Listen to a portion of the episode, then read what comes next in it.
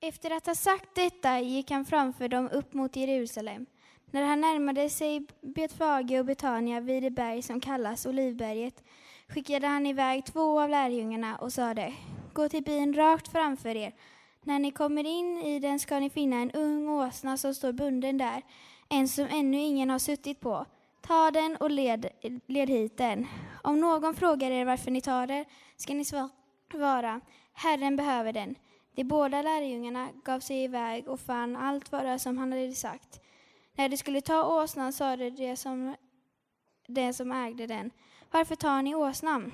De svarade, Herren behöver den, och de ledde den till Jesus och lade sina mantlar på den och hjälpte honom upp. När han kom i, ridande in bredde folk ut sina mantlar på vägen.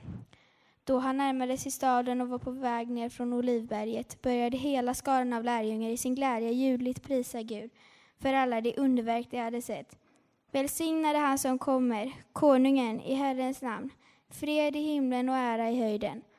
Några fariseer i folkmassan sade då till honom, Mästare, säg åt dina lärjungar att sluta. Han svarade, säger, jag säger er att om de tiger kommer stenarna att ropa. Jag ska predika om kvistar och mantlar. Den här texten som Kajsa läste, den finns i alla evangelium. Matteus, Markus, Lukas och Johannes. Och så handlar det om kvistar som man skär loss, viftar med och lägger fram. Så som barnen kom in här i procession alldeles i början av gudstjänsten och ställde dem. Och så handlar det om mantlar som man lägger ut. Den som var uppmärksam när Kajsa läste texten noterade att just den texten handlar inte om kvistar och mantlar. I alla de andra tre texterna står det om kvistar och mantlar. I den här texten från Lukas evangelium står det bara om mantlar. Jag ska ändå predika om kvistar och mantlar, för jag tänker mig att det är lättare att komma ihåg. Därför att det som kvistarna står för och det som mantlarna står för, det finns väldigt tydligt också i den här texten. Varför ska man kvistar? Vad är det för sorts rörelse? Vad är det för sorts handling? När det beskrivs så är det alltid kvistar ihop med lovsång. De prisade honom som kom dit. De ropade och de sjöng. Det är en sån sorts handling som kvistarna står för. I den handlingen är det bara glädje. I den handlingen är det ett gensvar och en respons på någonting som framkallar lovsång och glädje. Det är en kvist. Och vad är det som gör att man känner sig, jag vill skära en kvist? Vad är grejen? Vad handlar det om? Det är väldigt, väldigt enkelt och direkt. Vad det handlar om det är att Jesus Kristus rider in i stan. Det är allt det som händer. Att Gud i sin son och genom sin son, att Gud kommer till jorden och att Gud kommer till de där människorna. Det är allt. Varför kvistar? För att Jesus kommer till oss. Det är precis så enkelt. Det är så enkelt. Och om man är uppvuxen i en kyrka så har man hört det så många gånger att man kanske inte längre kommer åt storheten i detta kolossalt enkla. Genialt, fundamentalt enkla. Hela våra liv så lär vi oss att först måste vi göra detta och sen. Först måste vi gå ut grundskolan så att sen och inte bara så att vi måste ta oss igenom, utan helst med höga betyg så att vi kan välja det vi vill välja. Och därefter kanske man får ett jobb. Och om man vill få en större utmaning, då måste man först bygga på med erfarenhet och sen kanske få en större utmaning. Så här är vi skolade, så här ser ett liv ut. I den här berättelsen finns inga sådana först måste du och sen kanske Utan först kommer han till oss. Det är hela poängen. Det är så fundamentalt och genialt enkelt att han kommer dit, han kommer hit, han kommer till mig och han gör alltid det först. Han kommer till mig. Nu är ju det helt ointressant. Det betyder ju ingenting om man inte tar emot det. Om man inte gör någonting med det. Om man inte relaterar till det. Men om man tar emot det så gör det all skillnad i världen. Och hur tar man emot det? När han kommer till mig? Ja, man gör just det med kvistar. Man säger tack. Man uttrycker en sång. Man ger ett gensvar. Tänk att han kommer till mig. Och han gör det först, inte som ett svar på att jag till sist har sökt mig fram till någonting. Han kommer till mig. Jag plockar fram min kvist. Det är kvisten. Det är kvisten.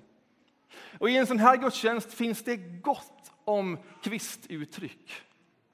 Vi sjunger lovsånger, det är av detta skälet. Vi tar emot honom och sen säger vi tack. Det är vår lovsång. Vi tänder ett ljus. Det är en respons. Det är inte bara en önskan om att om jag gör så här så kanske han finns någonstans. Nej, han finns redan här. Han finns här tydligt i det här Kristusljuset. Det lyser. Som ett tecken på att han är redan här. Att tända sitt ljus, det är en kvisthandling man viftar med. Vi är kvistarna. Och så har vi mantlarna. Vad är mantlarna för någonting? Vem är det som kommer hit? Vem är det som kommer potentiellt till mig personligt? Den som kommer läser vi i texterna, de gamla texterna, de nya. Det är konungen. Det är konungen som rider in i staden. Om än en annorlunda konung, en ödmjuk konung, inte lik andra konungar som inte kommer på den stora hästen och ser allting uppifrån och domderar, utan som kommer på en åsna. Som rider in och möter alla människor, dig och mig, i ögonhöjd. Ungefär så högt sitter man på en åsna. En liten åsna. Så rider han in. Och även om han är en annorlunda konung så är han likväl en konung. Och därför lägger folket sina mantlar inför honom. För det är ju ändå konung han är. När ni går in i staden då ska ni hitta en åsna där. Och om någon undrar varför ni tar den så säg bara att Herren behöver den, så läste vi. Och så gör de det, och så säger de det. Och sen står det hur de lägger sina mantlar på åsnan. Och sen hjälper den honom, Jesus, upp på åsnan. Och sen går de in mot staden och där lägger människor sina mantlar inför honom hela resan. Vad är en mantel för någonting? En mantel, det är det vi har. Det är det vi har fått. Det är våra materiella tillgångar. Det är våra möjligheter. Det är våran tid. En mantel, det är det vi har. Det är det vi har fått att hantera. Det är det ansvar och möjlighet varje människa har. Och det lägger man inför honom. Varför gör man det? Därför att han är konungen. Som kommer, och han kommer till sitt rike. Och där är det han som är ytterst. Och det är det hans ordningar som gäller.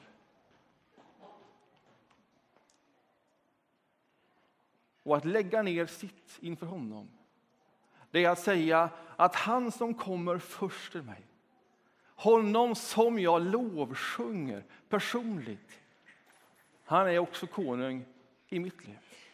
Över allt mitt liv. Över allt det jag har fått. Också över de käraste ägodelarna är han konung. De här två stråken handlar den här texten om. Kvistarna, glädjen och så mantlarna allvaret. För så är det på palmsöndagen. När han rider in, då är det bara fest, då är det bara glädje, då är det rungande applåder och popcorn. Men vi vet också att det finns ett djupt allvar i palmsöndagen. Vi vet också att nu börjar också en berättelse om ett stort offer och lidande. Båda de stråken finns den här söndagen. Både glädjen och allvaret. Och offret. Både kvistarna och mantlarna.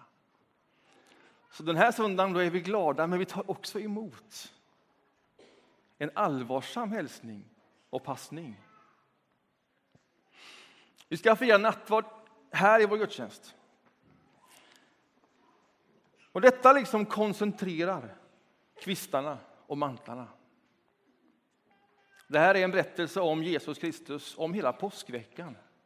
Om att han dör och att han uppstår. Det här är en berättelse om att han kommer till oss. Så när man kommer fram, när man får bröd och när man doppar det i bägaren så hör man orden för dig är detta utgivet. För dig är detta. Det vill säga, han kommer först. Och vad gör vi med det? Om man nu tar emot det.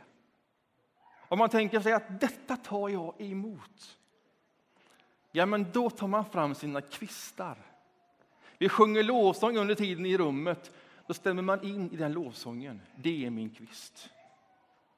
Då tänder jag ett ljus. Det är min kvist. Och det finns många fler uttryck här i den här gudstjänsten. Här fram kommer det ligga en världskarta alldeles strax. Och inte med värmeljus den här gudstjänsten som det brukar vara, utan Duploklossar. Så alla kan vara med. Och där lägger man en Duplokloss någonstans på den här världen där man vill be. Där man vill be. Och där nere kan man rita. Och här finns en station där man kan få bli personligt välsignad. Jag vill ta emot detta. Här finns människor som gärna ber, som har det som en förtroendefull uppgift här i församlingen. Man går dit själv eller med sin familj möjligen. Be för oss. Det finns många uttryck för kvistarna. Att ta emot och uttrycka sin tacksamhet. Och så finns det också ett mer ansvarsfullt, allvarsfullt manteluttryck. Och det är de här, våra kollektboxar. Här är vi, det är här vi lägger liksom ut vår mantel. Någonting av det här, det här har jag fått. Det här har jag att förvalta. Detta är också ett gensvar.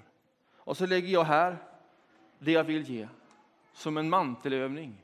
Eller där bak, eller här uppe vid utgångarna, eller längst bak finns det en e-kassa om man nu har ett kort och inte kontanter. Men se det som en sån handling. Ett svar på honom som alltid kommer först och en vilja att följa honom. Och då är detta hans väg. Det var vad som hände igår. På fem stycken stora matbutiker. Det var en mantelövning. Man ger av det man har fått.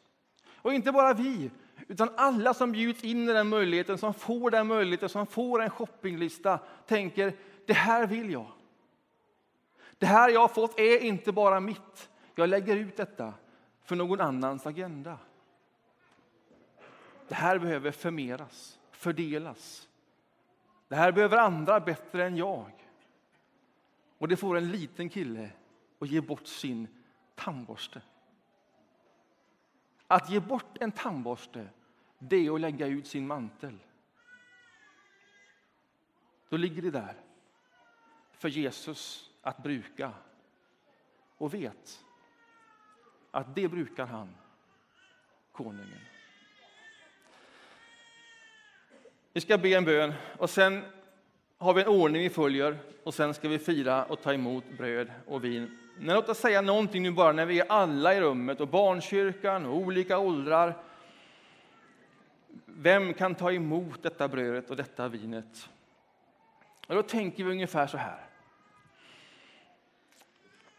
Att ingen förstår detta till fullo, det är ett mysterium. Men vi tänker samtidigt att man måste ha någon förståelse om vad det är man deltar i. Vad det står för, brödet och vinet. Så om det är små barn och man här i familjen och man känner att man inte riktigt vet, så tar man med sig barnen fram gärna och då kommer den som står här med bröd och vin lägga en hand på axeln och uttala en välsignelse. Och så blir det ett sådant uttryck och så får man gå vidare tills man kanske har en större förståelse om vad det är man gör. Hur mycket förståelse måste man ha då?